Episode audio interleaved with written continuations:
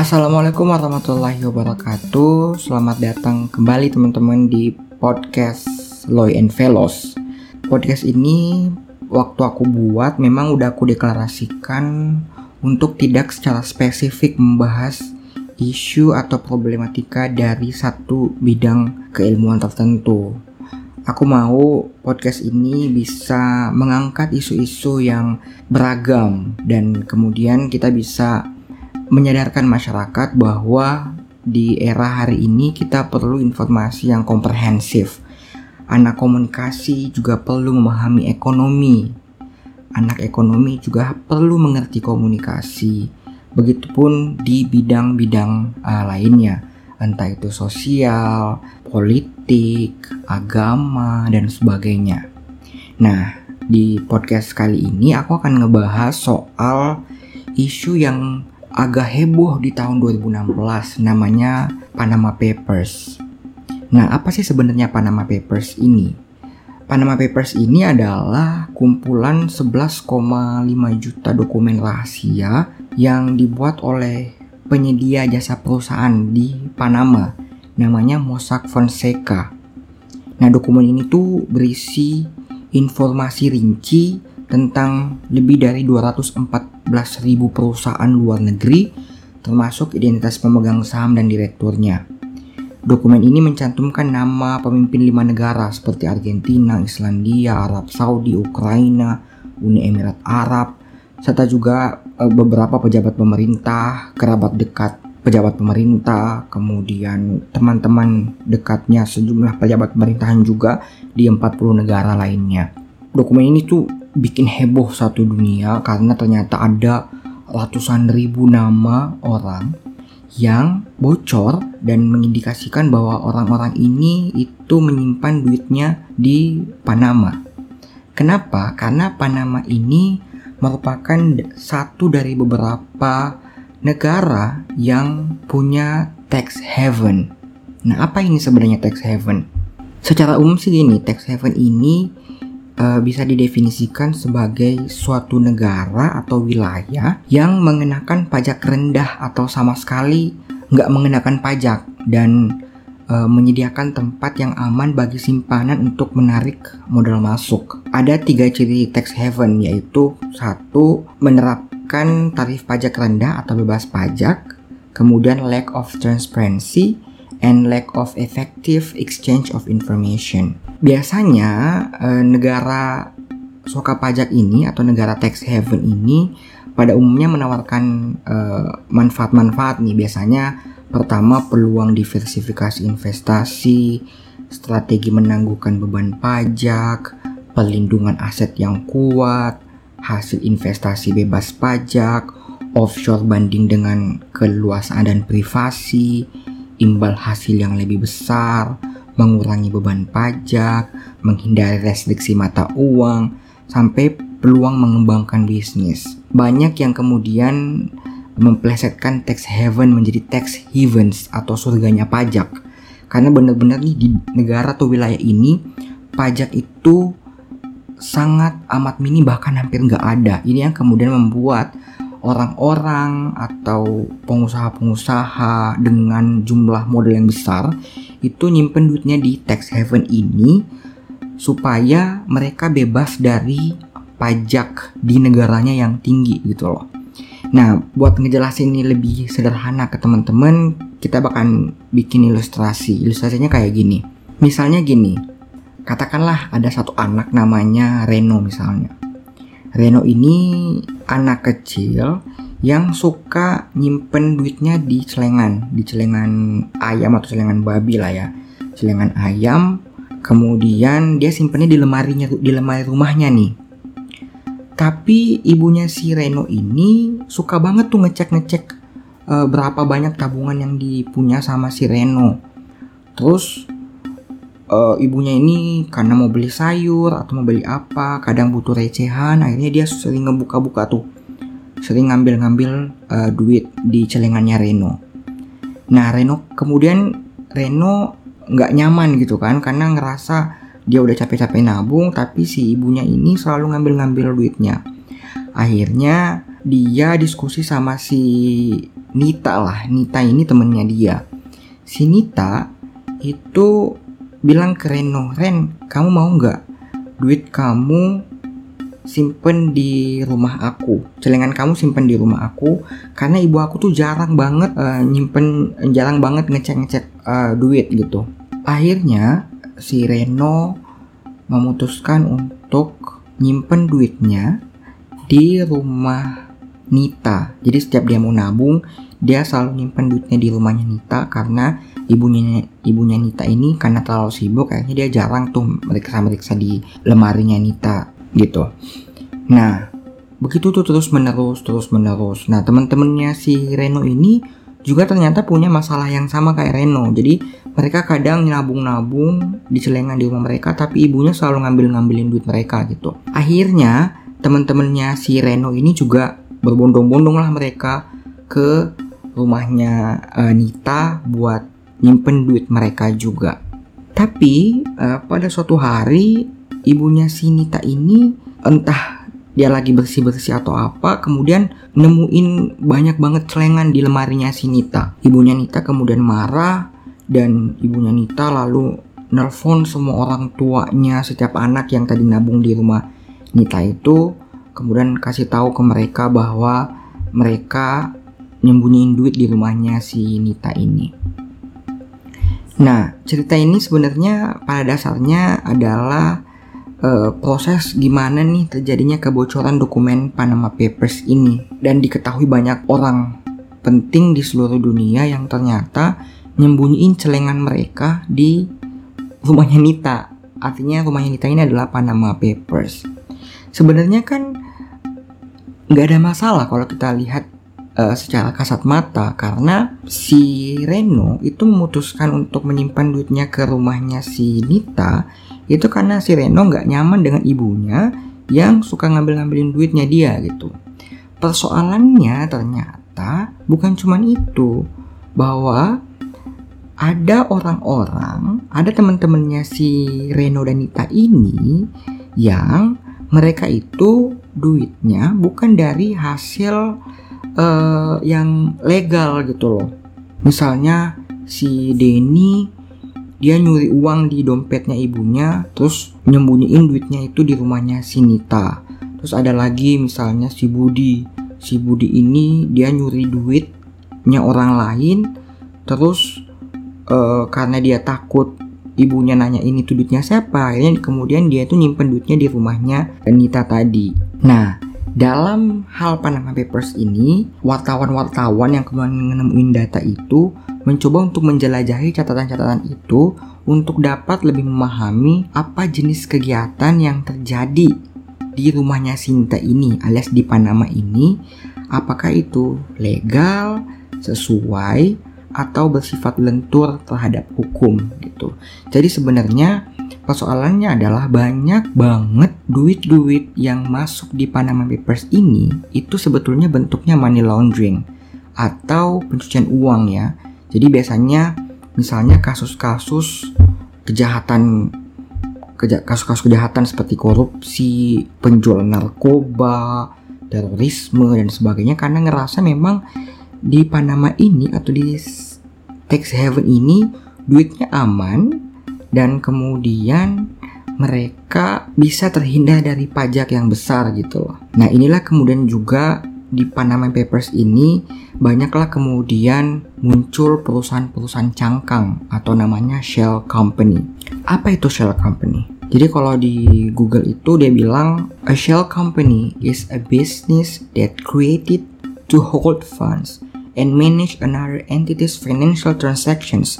Unlike traditional companies, shell corporation don't have employees and are not traded on exchange. Shell companies neither make money nor provide customers with product or services. Artinya, perusahaan cangkang ini adalah perusahaan yang bentuknya itu cuma ada di kertas doang. Jadi dia tuh nggak punya produk, nggak punya layanan yang ditawarkan, mereka nggak punya bangunan, dan mereka itu hanya ada di catatan di di kertas doang gitu di paper doang. Nah, di tengah gencarnya pemerintah memburu aset-aset triliun rupiah milik warga Indonesia di luar negeri untuk penerimaan pajak, uh, muncullah kemudian kasus Panama Papers ini. Ternyata setelah ditelusuri ternyata banyak banget uh, perusahaan-perusahaan cangkang milik negara hingga pengusaha besar nasional yang memberi kesan buruknya sektor uh, bisnis perusahaan cangkang ini. Kenapa? Karena perusahaan cangkang ini biasanya juga disebut sebagai special purpose vehicle uh, kerap banget berhubungan dengan kegiatan bisnis yang potensial melanggar hukum seperti penghindaran pajak, pencucian uang, hingga penyembunyian atau penyamaran dana hasil tindak pidana seperti korupsi, narkotika, bisnis ilegal lainnya. Para pelaku ini sengaja mendirikan perusahaan cangkang hanya untuk menutupi tindak kejahatannya tersebut. Biasanya nih ya, perusahaan-perusahaan cangkang ini didirikan di negara-negara yang memberikan jaminan tinggi data kerahasiaan dan tarif pajak rendah, seperti Panama tadi, uh, yang merupakan salah satu uh, dari beberapa negara atau wilayah yang menerapkan tax haven. Nah, hukum negara-negara ini juga nggak ngewajibin pengungkapan pemilik perusahaan atau beneficial owner atas perusahaan atau aset yang ditempatkan di wilayah tersebut. Beberapa negara yang sering disebut jadi tempat tumbuh suburnya perusahaan cangkang ini seperti Cayman Islands, British Virgin Islands, Panama, Bermuda, Bahama, Marshall Islands, sama Mauritius. Jadi caranya mereka ngindarin pajak tuh kayak gini. Uh, modusnya dengan cara mereka itu ngalihkan mengalihkan laba perusahaan afiliasi mereka yang ada di luar negeri ke perusahaan cangkang yang di dalam negeri. Cara ini untuk menutupi laba yang diperoleh perusahaan afiliasi tersebut. Artinya, pendirian perusahaan cangkang ini dilakukan untuk merekayasa atau memanipulasi laporan keuangan perusahaan afiliasi. Hal ini tentunya akan mengurangi nilai pajak perusahaan afiliasi tersebut setelah mengalihkan labanya pada perusahaan cangkang. Jadi e, mereka itu caranya adalah dengan ngalihin tuh si dana-dana labanya mereka karena kemudian e, mereka ngalihin laba laba laba perusahaan afiliasi mereka ke perusahaan-perusahaan cangkang ini akhirnya kemudian labanya kan kelihatannya kecil tuh akhirnya mereka kemudian bayar pajaknya tuh kecil Nah, modus kayak gini juga bisa dilakukan buat tindak pidana yang lain, misalnya seperti korupsi, money laundering, sama pendanaan terorisme. Masalahnya, pemahaman penegakan hukum di Indonesia mengenai tindak pidana terkait perusahaan cangkang ini tuh masih rendah banget. Padahal potensi kerugian negara akibat jenis kejahatan ini itu nilainya gede banget. Beda dengan negara lain. Kalau di negara lain itu misalnya ada pejabat pemerintah atau misalnya pengusaha besar yang tersangkut tindak pidana ini, misalnya tindak pidana pembuatan perusahaan cangkang ini, mereka terpaksa harus uh, mengundurkan diri. Memang sih ya, menurut data ada berapa ribu triliun uang pengusaha-pengusaha atau pejabat-pejabat publik Indonesia yang dialihkan ke tax haven ini. Jadi wilayah-wilayah di mana pajak itu sangat amat uh, rendah bahkan hampir nggak ada, nilainya bisa sampai ribuan triliun. Gitu teman-teman. Jadi tiga kosakata penting sebenarnya untuk mempelajari untuk memahami ini. Pertama adalah tax haven kemudian Panama Papers dan yang ketiga adalah uh, shell company atau perusahaan cangkang yang juga disebut sebagai special purpose vehicle. Mereka semua itu saling berkaitan. Jadi safe haven ini yang salah satunya adalah Panama adalah wilayah untuk menyimpan duit dengan aman dan bebas dari pajak. Kemudian perusahaan cangkang ini adalah perusahaan yang gak ada fisiknya, gak jual produk, gak jual jasa, gak punya karyawan, tapi mereka itu tuh punya aset investasi. Nah inilah yang kemudian didaftarkan di tax haven tadi sehingga perusahaan-perusahaan itu, perusahaan-perusahaan afiliasi itu menggunakan perusahaan mengalihkan dananya ke perusahaan cangkang yang ada di tax haven tadi sehingga mereka bisa membayar pajak rendah di negara tempat perusahaan itu uh, beroperasi. Kalau kita mau bahas, ada beberapa pemimpin dunia yang uh, tersangkut kasus ini. Misalnya ada Presiden Argentina Mauricio Macri, ada Khalifah bin Zaid Al Nahyan dari Uni Emirat Arab, ada Petro Poroshenko dari Ukraina, ada Raja Salman dari Arab Saudi, ada Perdana Menteri Islandia, mantan Perdana Menteri Georgia, ada mantan Perdana Menteri Irak, mantan Perdana Menteri Yordania, mantan Perdana Menteri Qatar, mantan Perdana Menteri Ukraina Pailo Lazarenko, ada mantan Presiden Sudan, ada Emir Qatar, dan mereka semua ini adalah pemimpin-pemimpin negara besar dunia yang ternyata menggunakan tax haven tadi untuk meminimalisir jumlah pajak yang harus dia bayarkan kepada negara. Kalau di Indonesia sendiri ada beberapa nama besar sih sebenarnya yang tersangkut. Misalnya kayak James Riyadi yang punya grup Lipo, kemudian ada Francius Welirang yang kita kenal sebagai namanya Pak Franky. Dia itu direkturnya PT Indofood Sukses Makmur. Kemudian ada juga Sandiaga Uno, uh, dan ada juga Menteri BUMN sekarang ada Ibu Rini Sumarno uh, gitu jadi bahkan ada kalau kita mau baca semua mungkin semua perusahaan besar di Indonesia ini yang pemilik-pemiliknya atau orang-orang besar di dalamnya yang menggunakan tax haven untuk menyimpan dananya itu banyak banget. Ada klannya Wijaya, ada yang dari Sinarmas, ada klannya Ciputra, ada klannya Hartono dari Jarum, ada klannya Sampurna, ada dari Tanoto, dari Katuari, dari klan Riyadi, klan Rahmat, ada juga banyak banget dari klannya Panigoro, Pangestu dari Barito Pasifik kan.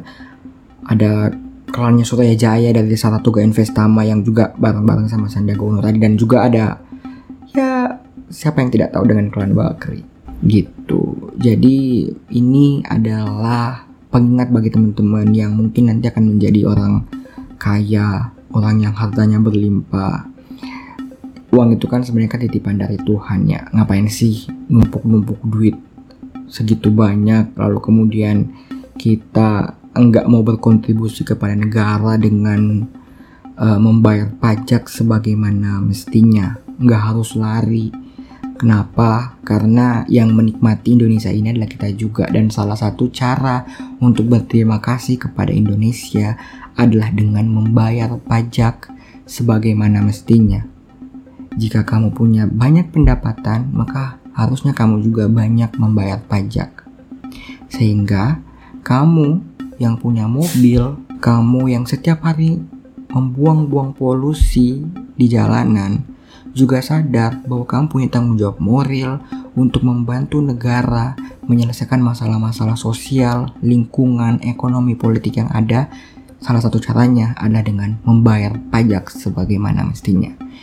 Itu aja teman-teman yang bisa saya sampaikan. Semoga kita menjadi pribadi yang tidak terlalu tamak, menjadi pribadi yang mau membayar pajak uh, sesuai dengan kewajiban kita. Terima kasih, sampai jumpa di podcast-podcast selanjutnya. Dadah, Assalamualaikum warahmatullahi wabarakatuh.